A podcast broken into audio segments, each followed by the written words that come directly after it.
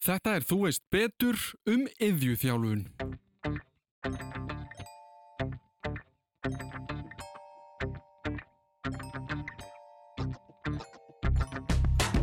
Það er líka á okkar ábyrg sem meðþjálfar að hafa þessa vísinu sín og taka tillit til þessa líkanmjörð þáttar en líka þessa félagsfjörð þáttar. Hvernig getur foreldri auki þáttuk og virkni barnsins í daglu matöfnum?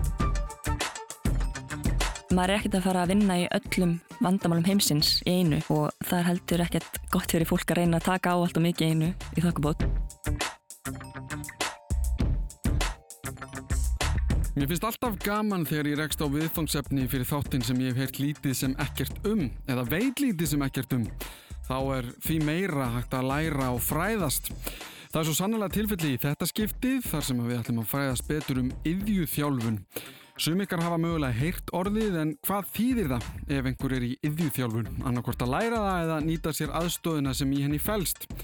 Ég fekk til mín Andriu Björn nema í yðjúþjálfun til að útskýra þetta allt saman fyrir okkur og eins og alltaf byrju við á kynningu frá viðmælandanum sjálfum. Ég heit Andrei Björn og ég er nemi í yðurþjálfun og bráðum nýjúskriðar yðurþjálfi. Ég vinn á meðferðargeðdeild hlaugarásins og hef starfað þar síðan í mæ 2019 þá sem aðstofkona yðurþjálfa og síðan núna er ég að fara að vera yðurþjálfi og málastjóri á staðnum. Ég er líka körbóltaþjálfari og vinn í lífeslu.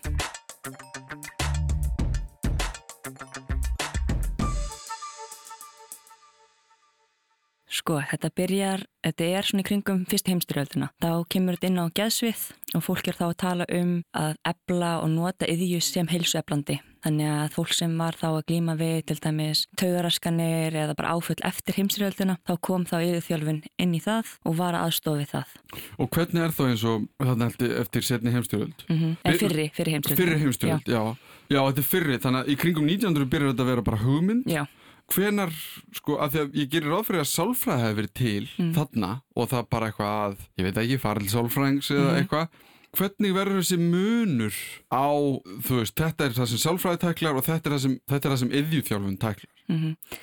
Sko, þá er verið að nota yðju í meðferðaskyni þannig að fyrst var þetta bara svona yngripp sem hérna kom inn til þess að virkja fólk og síðan samt sko setna eftir setna heimsveldina þá fyrir áherslan aftur veist, þá fyrir hann tilbaka á bara svona læknisfræðilegt. Þannig fyrst byrjar þetta sem svona vísýnt bæði læknisfræðilegt og félagsfræðilegt með áherslu á yðju og virkja fólk og hafað heilsöflandi og síðan eftir setna heimsveldina þá fyrir þetta aftur í bara svona doldi mikla líkamlega endurhæfingu hjá yðjþjálfum. Og, og hvernig hefur þetta þá þróast? Þetta eru 120 ár þá mm -hmm. eða eitthvað sem við höfum verið að pæla í þessu. Mm -hmm. Hvað eru að gera í byrjun? Mm -hmm. Hvað eru hugmyndirnar í byrjun? Um að hjálpa fólki? Eh, þetta er alltaf um það að fá fólk til þess að sinna því sem það vil sinna og það sem það langar til og það sem er ættast til aðeim. Þannig að þetta hefur alltaf verið bara til dæmis eins og með fólk sem lendur í líka með slésum, þú veist, hvað vil það ná að gera og hvað getur við gert til þess aðstofið að gera eitthvað dagstælega. Þannig til dæmis eins og með elda, þú veist, hvað getur við gert til þess að við komum til ná elda ef hann vil ná elda. Þú veist, hann getur líka bara að panta sér mat, en ef hann vil elda þá getur við panta hjálpatæki, við getum þjálfað ákveðna aðferðir, aðlað umhverfið. Mm þetta er fyrir allt eftir hvar áherslan er. Veist, hvað er skerðingin hjá viðkomandi? Er þetta tímabundið? Er þetta skerðing sem bara mun alltaf veist stað? Er þetta fættist viðkomandi með ákveðna föllun? Eh, er þetta bara, veist, er þetta kvíði? Veist, hvað er ástæðan fyrir því? Og svo þarf maður að vinna með viðkomandi e, út frá því sem hann vil vinna með til þess að ná ákveðnum markmiðum sett með honum. Og hver eins og í, í byrjun þegar þetta byrjar að vera bara aðferðafræði, mm -hmm. ef við, við notum þá orð, var ekkert sko að því ég ímynda mér að því ég er búin að vera að hlusta okkur á svona, ég er að hlusta á bók sem heitir Short History of Everything mm -hmm. og hún snýst svo mikið um að í gamla dag voru einhverju kallar sem mm -hmm. fengi einhverju hugmynd og einhver starf annar starf var annar kall sem fekk einhverju aðra hugmynd og þeir gátt ekki verið sammála mm. þeir gátt ekki látið þess að tvo hluti virka mm. á sama tíma af því að önnur varð að vera yfir eða þannig, hún varð að sigra -hmm. af því að þú talar um fyrir heimstöldina mhm og ég, eins og ég segi það er mjög eðlilegt að í kjálfur á henni hafi verið bara fullt af hlutu sem það þurft að eiga við. Mm -hmm. en var ekkert svona einhver núningur á milli sálfræði og þá yðjúþjálfunar eða hefur þetta alltaf verið bara sami hlut eða svona, ekki kannski sami hluturinn en hefur þetta alltaf haldist í hendur og tala saman? Mm -hmm. Sko það fer líka bara eftir hvað við að vera ríkjandi hverju sinni kannski. Þannig að þú veist, yðjúþjálfun er þetta fag sem er bæði eins og ég sagði, þessi bæði svið, heilbriðis og félagsvísindasviðið það er þetta læknisfrísindasvið sem er mjög ríkjandi, meir seg í dag þannig að e, það er líka á okkar ábyrg sem meðþjálfar að hafa þessa vísinu sín og taka tillit til þessa líkamlegur þáttar en líka þessa félagslegur þáttar Og, og hvernig hefur þetta síðan þróast í gegnum árin? Að því að á einhverju tímafóntið í sögunni þá fannst okkur bara eðlert að gefa fólki sem var með gæðran að kvilla raflost. Mm. Hvernig hefur yfirþjálun þróast svona á síðustu, ef við förum kannski bara svona hundavaði frá þessum stríðum og öllu þessu? Sko, þetta byrjaði mest í bandaríkjónum, byrjaði þar og fyrsti þú veist skólinn sem var þar var kom 1915 og síðan færðist þetta yfir til Kanada og þá var skólinn það 1918 svo kom þetta til Evrópu, byrjaði það 1930, kom svo til Damörkur og allir yfirþjálfur á Íslandi lærðu fyrst úti í útlandum þannig þú veist þetta kemur, já, að þannig allir sem voru bara fyrst um sinn komu til annarkvært komu til Ísland sem útlandskir yfirþjálfar eða Íslandingar sem fóru út, lærðu og komu svo heim Hvaðan verður yfirþjálfun til? Þetta kemur eiginlega útbrað frá því að yfir sé heilsueflandi, þú veist að það að fólk sé að gera eitthvað mm er heilsueflandi. Þannig að fólk sem er ekki að gera neitt, það er miklu meir líkur á því að það sé að glíma við ykkur heilsu kvilla eða það að nota til dæmis eðju eða nota það að er að gera eitthvað til þess að vinna á andlið veikindum eða líkamlega veikindum. Mm. Þannig að þetta kemur út úr því að bara eðjan sé heilsueflandi. Og þegar þetta kemur hingað, mm -hmm. hvenar er það? Sko, fyrsti yfirþjálfinn sem kemd í Íslands var árið 1945 og hún lærði út í Danmörku og hún kemur og er á Klefspítala, þannig að fyrsti yfirþjálfinn er þar og síðan er alveg, þú veist, 18 árum setna þá kemur næsti yfirþjálfi til Íslands. Og hún var bara einn í 18 ára eða hvað? Já, þú veist, þessi, já, þessi allavega af íslensku yfirþjálfunum mm. Og síðan hérna árið 1974 þá kemur Hóp Knútsson sem er hérna bandarísk til Íslands, flytur hingað og verður síðan fyrsti formaður yfirþjóðsambandisins sem er stopnað þá tveim árum setna, árið 1976, 4. mæ. Þá er það bara samsætt að tíu félags, félagsmönnum Þannig að þetta er mjög lítið samfélag til að byrja með og er svona brátt vaksandi þóttu við séum ennþá freka lítið stjætt. En eins og þarna þegar hún kemur og fer inn á klepp mm -hmm. sem að ég held að allir íslendingar vita af því að það var svona, það var svona næstu í, já ég veit ekki, þú veist þegar ég var krakki vissi ég hvað kleppur væri, af því að mhm. kleppur væri eitthvað staður þar sem að eitthvað bara ræðilegt gerðist og það var bara fólk, þú veist, við hugsaum ekki svona í dag en á þessum tíma þegar ég var allstu upp og það er ekki það langt síðan þótt að sé lengra en ég held stundum en hvað er hún að gera eins og hún kemur hún á klepp mm -hmm. hvað er það sem hún er að svona breyta ef við getum orðað þannig? Mm, sko, þegar maður er að vinna með þú veist, uh, gerðanar áskorunir þá fer það líka bara eftir hvar yðjivandi viðkomandi er. Er það, þú veist, framtagsleysi, er það, þú veist, ránkvömyndir er það, þú veist, hvað hvaða gerðan áskorun er viðkomandi að díla við það er samt alltaf uppistæðan er því að hjálpa viðkomandi að gera það sem maður vil gera mm. En er það, var það hægt inn á klepp á þessum tíma? Mm, ekki svo ég viti, sko Nei. Þannig að þú veist, það er alveg ekki langt síðan og verklæði hefur mögulega breyst, sko. Mm -hmm. Þannig að... Við erum að tala um 74 já. þegar hún kemur inn á klepp. Mm -hmm. hvernig stemningin var á klepp þar fyrir nýjungum, veit ég ekki, sko. Mm -hmm. Ég er bara að pæla, sko, hvað hún hafi komið inn með, inn á klepp sem var ekki verið að gera áður. Mhm. Þú veist, þá myndi búist við að væri þetta með yðurna að nota hana sem meðfæra úrræði fyrir þá sem er inn á klepp. Þannig að tengja þetta, það sem er kannski líkamlega, eitthvað líkamlega skerðing sem er í gangi við þetta félagslega og nota þessu yður sín í það að fá fólk til að stunda eitthvað á daginn til þess að líða betur. Og frá 76 þegar sambandið er stopnað mm -hmm. og bara þángil í dag, mm -hmm. Hva, hvernig hefur þetta þróast? Það var auðvitað stökk, stökk bara þegar yfirþjóðan var byrjað að vera kenda á Íslandi. Hvernig var það? Það var árið 1997 og þá er fyrstu yfirþjóðanar útskriðar á Íslandi árið 2001 þetta var fjara ára nám og hérna, það var að meira eitt af helstu barðum málum félagsins og þeir voru búin að vera berjast fyrir sér frekar langa tíma. Þeir fóru með inn til mentamálaræðanetis árið 1988, voru í samræði við Háskóla Íslands alveg frá eh, 92 til 1996 án árangus. Þetta var eitt á alþingi og svo var loka útkoman svo að eh, á alþingi eh, á 1997 að þetta myndi að vera kent á Háskóla Makaröfi. Þannig það er svona stæst skrefið því að það voru ekkert allir sem hefði tök á því að fara til útlanda að læra. Það er ærið verkefni að skilja að sögu yðjúþjálfunar og notagildi hennar eða virkni.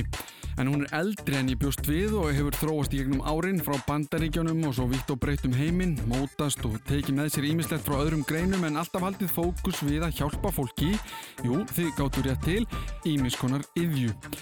Stór atviki í mannkinsögunni hafa undistrykað mikilvægi þess að hjálpa fólki á þennan hátt. Stríð kannski efast á lista en stórt skrefa stríð hér á landi árið 1945 þegar fyrsti yðjúþjálfin kemur hinga til lands þá inn á Klepp. En svo 1974 kemur hinn bandaríska Hope Knudson til landsins og verður sér fyrsti formaður yðjúþjálfarasambandsins.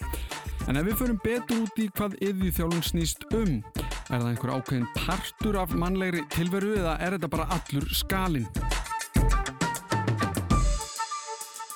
Yðjúþjálfun bara má segja að snjúist um allt. Þú getur unni á veist, hvað sviði sem er, hvað þjónsu stýi með hvað aldursópi þannig að þetta byrjaði kannski í geðinu en þetta er líka, veist, þetta getur verið líkamlegt, þetta getur verið veist, í skólum, það er eðiþjálfur að vinna í skólum eðiþjálf geta unnið hvar sem er og verið að þjónusta fólk öllum samfélagstegum.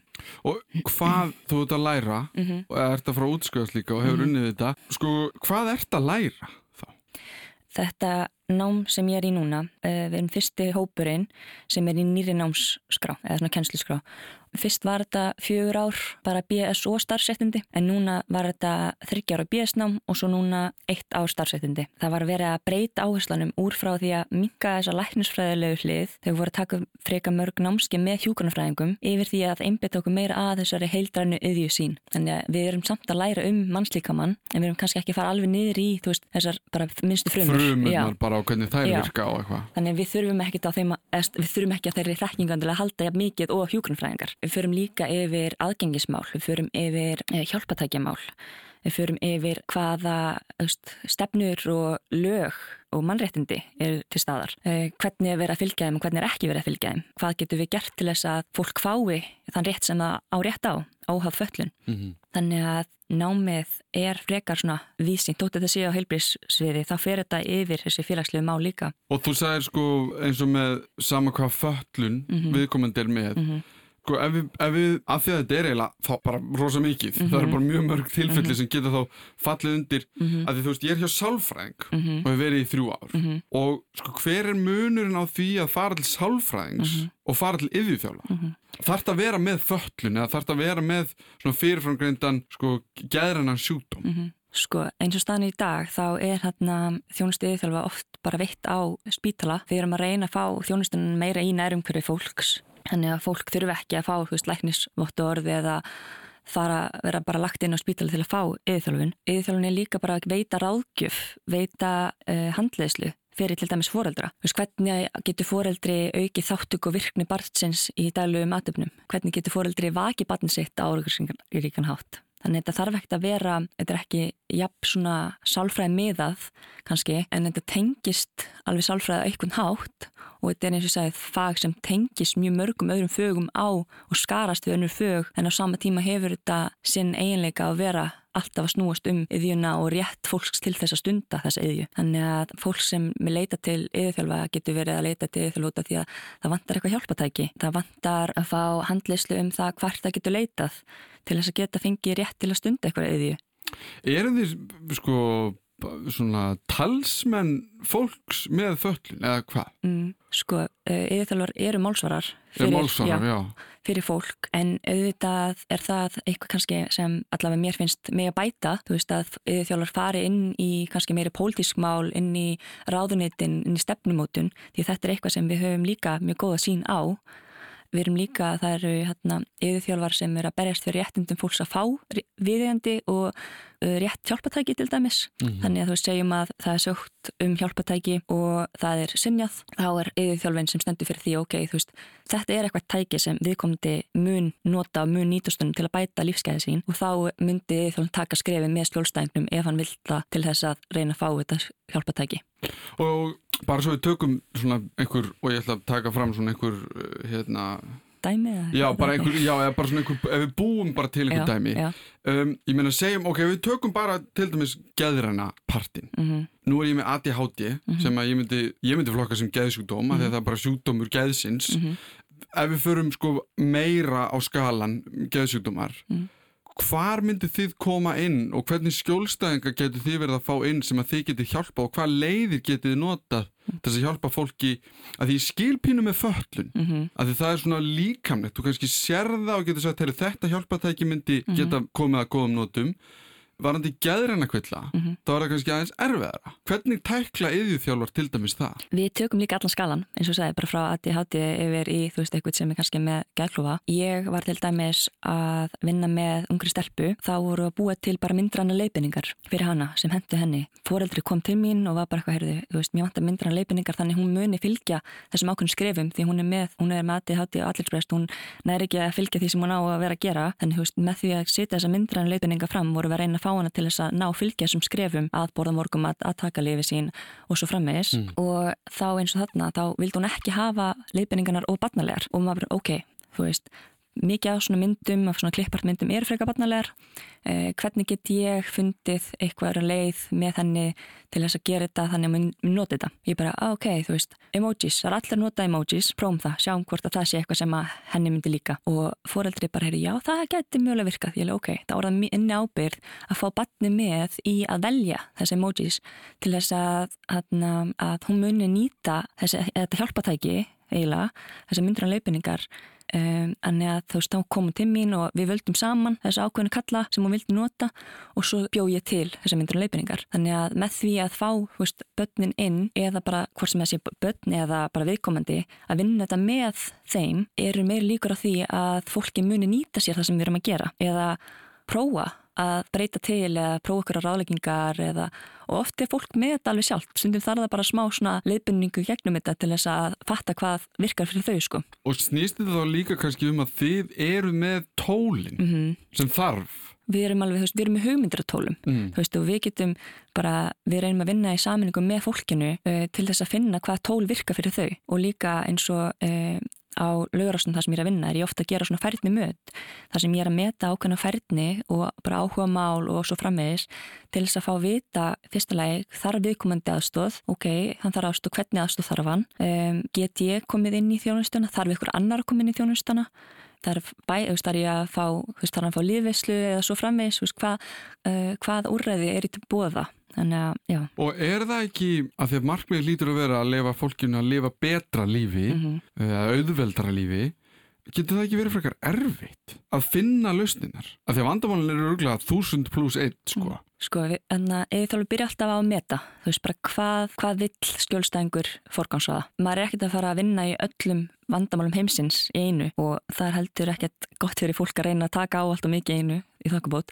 Þannig að maður kannski reynir að forgámsraða til einn hlutu með eitthvað til að vinna í, í hverju sinni og eða þjálfur eru með ákveðin svona verkvari til þess að uh, nýta í þessar vinnu með skjólstæðingnum og það fyrir líka bara, þetta er svo viðtakt þannig að hvaða verkværi og hvað þarf hverju sinni er mjög personabundið.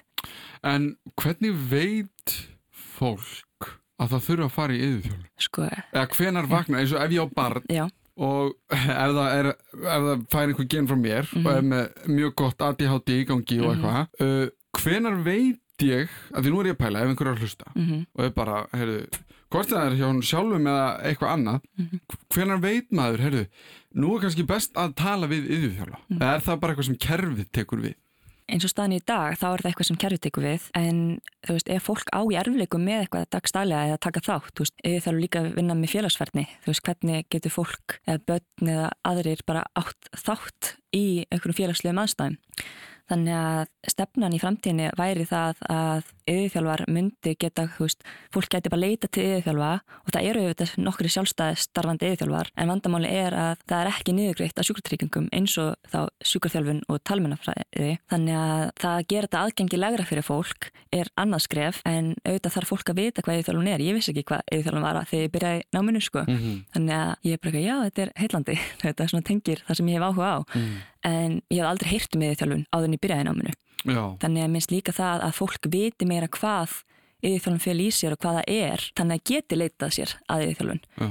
Þannig að veist, allir er alveg, já, ég er með verk í aukslinni, ég ætla að fara til sjúkurþjálfara. Þannig að ef fólk er eitthvað, já, heyrðu, ég á erfitt með að elda, ég á erfitt með að sinna því sem ég þarf að sinna, ég á erfitt með því að fara fætur um mótana, ég á erfitt með því að bara allt sem gæti tengst daglegur yðju, það sem hún gerur á daginn eða vil gera að þá bara já, þá get ég litið þið þurfa. En, en eins og já. núna á ég ekkert sérstaklega auðvelt með að fara fram ára mótana mm. og ég frekar latur við að elda. Mm. Latur er kannski eitthvað, ekki eitthvað sem þið dýli við. Ég get ekki komið til ykkur og sagt, heyrðu, já, mjög erð með að vakna því ég Mm. nenni ekki að fara fram úr og mér finnst mjög leiðild að elda og það er svona elda ekki. Þá get ég ekki ringt og sagt, heyrðu, Andrea, hérna, ég þarf hjálp. Það er alveg mismundi sko, því að fólk gleymið líka að það að elda getur líka verið bara að hita sér mat. Þú veist, það þarf ekki að vera full eldu málti frá byrjun til enda. Þannig það er líka það að hjálpa fólki að þótt að sé ríkjandi uh, við þá í samfélaginu að fólk þurfa að elda frá, eitthvað frá grunni. Það er ekkit endilega þannig. Og það fyrir líka eftir, þú veist, er fólk latt eða er það eitthvað sem að vill vinna, ég vill það ná, veist, það er mikilvægt að ná að vakna og þau bara, já, ég væri til að, að myndi vera auðveldara. Þá er hægt að reyna að fara í gegnum það hvað er hægt að gera. En kannski líka Já. sætta sig við að stundum bara hefur ekki áhuga á einhverju, eins og elda, eða eitthvað. Já, og það, þú veist, það er ekkit endilega, þótt að einhver til ég mikilvægt að fólk gera eitthvað ákveðið því er ekki það að fólk vilji forgansraða því eða vilji gera það eins og samfélagið það segja, vera. já, eða svona, svona drauma myndin. Þannig að sama með eins og þrýfa, þú veist, fólk á þrýfa heimilisitt, er sagt, veist, en fólk getur líka keift sér þjónustu og fengi eitthvað annað til að þrýfa eða vil verja tíma sínum í eitthvað annað. Og sama með eins og fólk sem kannski lendir í slisi bara sem dæmi, það er alltaf svo mikil áhersla á það að fólk sé sjálfstætt, að fólk klæði sér sjálft, að fólk þrýfi sig, veist, og gera allt án aðstöðar. En kannski tekur það fólk klukkutíma að koma sér í fött. Þá er bara að einhver hjálp manni með það. það eru þetta personbundi, vill manneskjan, finnst honum sjálfs, uh, sjálfstæði sitt vera það að verja klukktíma í að klæða sér föt eða finnst honum það frekar að fá aðstótt og geta varið þessum klukkutíma í eitthvað annað? Það er mjög svona Ég personbundi veit hvað ég myndi velja, það er alltaf eina sem ég segi. Já. Já. þannig það er líka okkar kannski, þú veist, ok, þú segjum að þú vill klæða þig sjálfur og við vinnum í því. En síðan er líka okkar að e- segja kannski, þú veist, við vitum að viðkomandi það tekur alltaf klukkutíma fyrir hann að fara í fött þá er okkar líka, heyrðu, ok, hérna er staðan þú veist, vilt þú verja klukktíma í að fara í fött hverjum degi, eða viltu verja tímanuðin um eitthvað annað sem er mikilværa fyrir þig, þar að segja. Þannig að þá koma með, þú veist, það er hægt að fá til dæmis heimahjúkurinn til að þú veist, myndur vilja verja tímaðinum í að baka, þú veist, ég veit Já, ekki bara hvað sem er, bara hvað eitthvað sem hefur meiri áhuga já. á heldur en að klæða því í Já. fötin, sko. Eh, Þannig það er svona okkar líka að koma með það að þótt að sé samfélagslega viðkjöndar að fara sjálfur í föt, það er ekki endilega það sem hendar viðkomandi Mhm. eða hvað viðkomandi vill. Þeir eru svona smá eins og haugur í horni. Mm. Svona, svona þetta, hérna, svona kalla í bara til þess að einhvern veginn að segja bara, heyrðu, já, þetta, það, þetta er allt í lagi. Mhm. Við getum alveg gert þetta svona. Mhm. En nú er búið að tala um, sko, að því að nú heyrum maður mikið um kulnun í starfi. Já. Uh, Ég held að kulnun og burnout sé það sama, Já, er það já, ekki? jú. Uh, ég hef heyrt, sko, náttúrulega endurhæfing Mhm. og, og samtökum svo virk Mhm. eru til Mhm. sko, það hlýtur að vera eitthvað nýtt sem að til dæmis yðjúþjálfun gæti átt við það er þetta, þessi kullun í starfi Mm. og fólk kannski átti sig á því eftir ég veit ekki, 30 ári eða eitthvað í sama starfi að bara, herðu, ég veit ekki hvort mér finnst þetta gaman Mhm. eða eitthvað, ég er búin að vinna yfir mig er þetta eitthvað svona nýtt á nálinni hjá yðjúþjálfun í yðjúþjálfun líka þetta, þetta svona nýr hópur sem þarf að svona hjálpa Já, ég myndi alveg búast við því sko, en líka þú veist, yfirþjálfar eru að hjálpa fólki með jafnvægi í daglegu lífi, þú veist, að skipulegja sig þannig að það sé kannski ekki að taka of mikið á sig og forgámsraða því sem það vill gera, en samfélagi í dag það leggur mikla áherslu á hvað þú ert að vinna við, kannski, þú veist, alltaf bara, já, hvað heitur þið, já, hvað gerur þannig að líka það að fólk, þú veist, ég get alveg, eins og ef ég myndi kynna mig, við bara, já, ég heit Andrea. Mér finnst ótrúlega gaman að drekka gott kaffi. Ég er gaman að ég elda og baka. Í stæðan fyrir að vera að segja, þú veist, já, ég er að vinna við þetta. Og ég myndi næsta spurning eftir þetta væri bara, hvað gerur já, það er bara Já. eðlilegt í þessu bara, já. Þannig að þú veist, það, þessi áhersla í sérstaklega í Íslandi er alltaf hvað ert að vinna við. Og þetta er svona auðvitað er fólk stundum farið í kullin út að það er bara að vinna, það er bara ekkert að njóta þess að gera eitthvað sem hefur gaman af þótt að finnist kannski alveg gaman í vinnunni sko. Mhm. En talandi um virk, þá er líka virk í samstarfi við laugarásinn sem ég er að vinna og við erum með svona úrræði sem er að hjálpa fólki að fá vinnu á almennum vinnumarkaði og til dæmis þá var ég sem yfirþjálfi að koma með skjólstæðingi í vinnuna og aðstofan og þjálfan í að vera í vinnunni, bara sem dæmi. Þannig að þú veist, við erum kannski að æfa bara ákveðna þætti sem þarf að hann þarf að gera. Eins og hvað, ég er mjög forvitin um þetta því ég fór alltaf inn að hugsa um að það kendi mér aldrei neitt að vinna. Mm. Ég byrjaði bara að vinna. Síðan hefur svona mitt vinnu siðferði Mm. í raun bara þróast eða mótast út frá vinnustöðuna sem ég hef verið á sko, Mhm. og fólkinu sem ég hef verið í kringum en það verður aldrei neitt sagt þetta er eðlilegt. Hvernig kennur þú fólki að vinna? Það fyrir eftir hvað hvað það þarf sko og hvað vinnan fölur í sér. Til dæmis þarf viðkomandi að upp á kaffi í vinnunni. Þú veist, er það í hans hlutverki? Er það í hans hlutverki til dæmis ef hann væri að vinna bókasafni að raða bókum í hylluna? Hvaða verkþrep þarf hann að gera? Getur við sett upp eitthvað lista sem hann getur fyllt? Þannig hann sé bara já þarna, ég er búin þetta, ég þarf að fara næsta. Þarf hann bara að æfa sig í því að raða bókum í hyllu út af því að hann hefur eitthvað smá, veist, hann er klauskur í að setja bókina í hylluna. Þú veist, það er bara alls konar, þannig að það er ekkert endilega eitt rétt svar við hvernig maður þjálfar fólki í vinnu. Það fer eftir bara persónu þáttum hjá viðkomandi og vinnunni. Þetta er bara mismandi í hvert einasta skipti í raun sem Já. þið farið inn í eitthvað eitthva mál. Já, má segja það sko. Já, mér finnst það mjög áhverð. Sko, mér langar, að því þá langar mér til þess að, að þessi hópur sem þú talar um, fólk með föllun, fólk með geðran vandamál og ef við tökum líka bara kulnun og, og eða þú veist, ég meina, þetta er allt hópar sem eru, ég er bara oft litið framhjá uh, eða neðarlega á einhverjum listum um það sem þarf að laga eða eitthvað. Ég meina, við erum að setja upp núna allt í einhverja rampa á hundra stöðum í Reykjavík og, og fleira. Það er til dæmis, þú veist, það er eðiþjálfi þar á bakvið líka. Hún heitir Ósk sem er, etna, ég held að þetta sé tengslu við sjálfsbjörg, minni mig. Þannig hún er eðiþjálfi og það er mitt, veist, eitthvað sem að tengist okkar starfi er að auka aðgengi fólks að öðrum stöðum.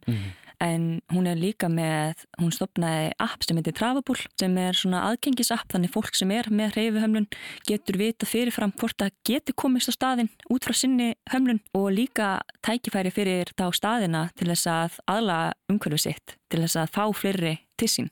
Þannig að fyrirtæki getur líka komið til yðurþjálfa og sagt, herðu, við þurfum að gera þetta meira aðgengilegt en hann Mhm. vinnustað okkar. Hvernig getum við gert það? Já, og líka bara vinnuvistfræði, þú veist hvernig fólk stillir upp uh, vinnaðastunni sinni. Um, Það er eitthvað sem þið hafið pælt í líka. Já. Þá bara hvernig hún er, er einhvern veginn bara uppsett, bara skrippborðið þitt eða hvernig sem það er. Já, bara til að minka, þú veist, álagsenginni við vinnu. Hvað er það sem að þarf að forast þar til dæmis? Uh, þú þarfst að passa að hafa það sem þú ert að nota mest nálagt þér til dæmis. Passa hæðina á skjánum, passa hvernig þú situr hæðina á stólunum. Ertu til dæmis með möguleika að hafa uppækjandi skrippborð, getur þú staðið upp og síðan sest niður aftur.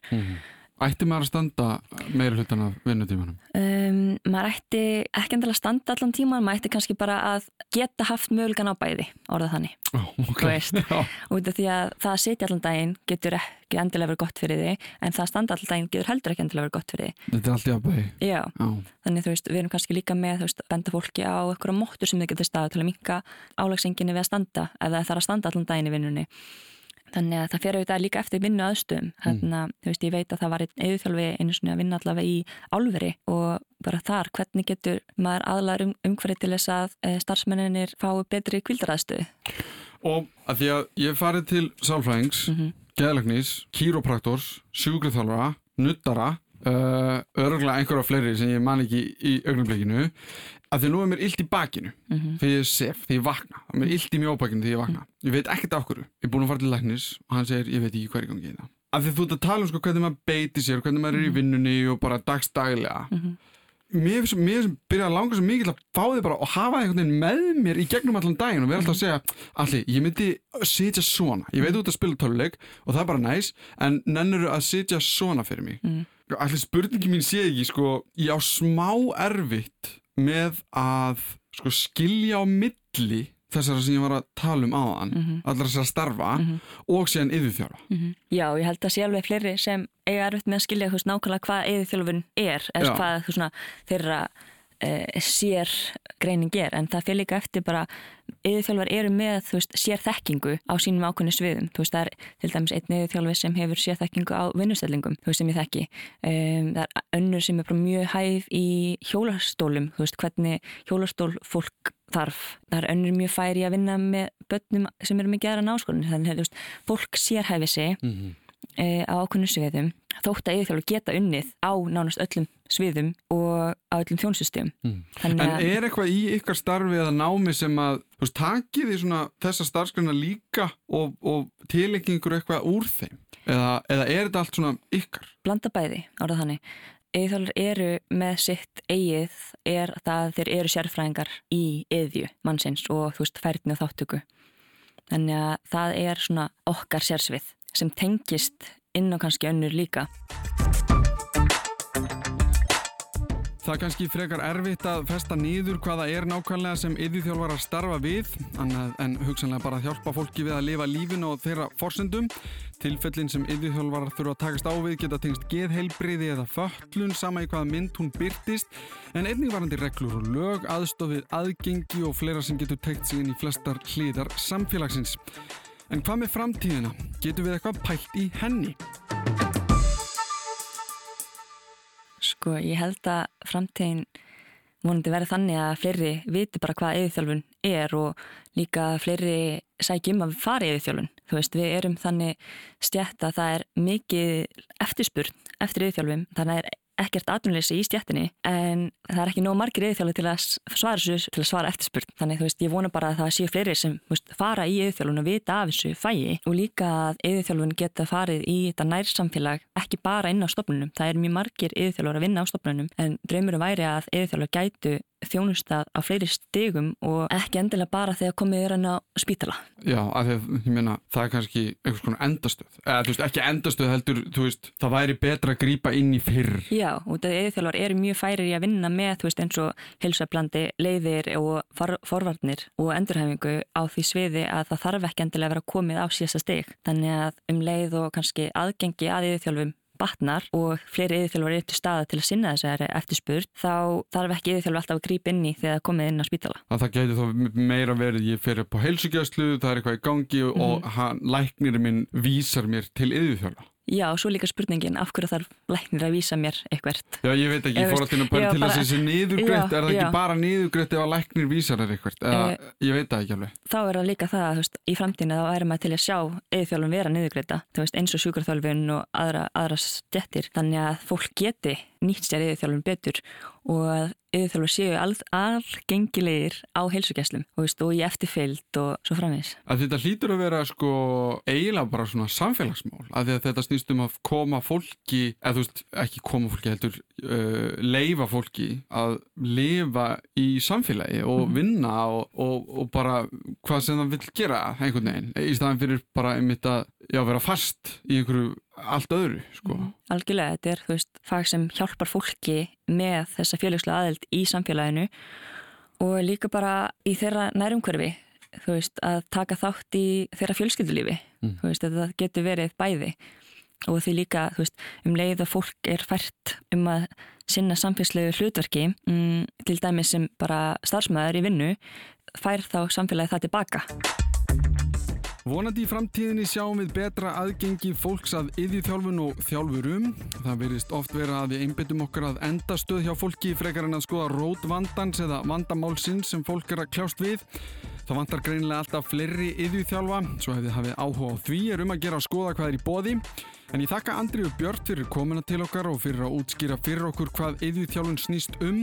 Þakkum leið fyrir mig. Ef það er einhverja spurningar sem vakna er hægt að senda post á allimarat.ru.is en það er líka alltaf hægt að senda ábendingar um hvað ykkur langar til að vita meir um. Það er alltaf gaman að fá þannig posta en þetta er samstarfsverkefni okkar allra. En þá er ekki meir í pókanum í bíli.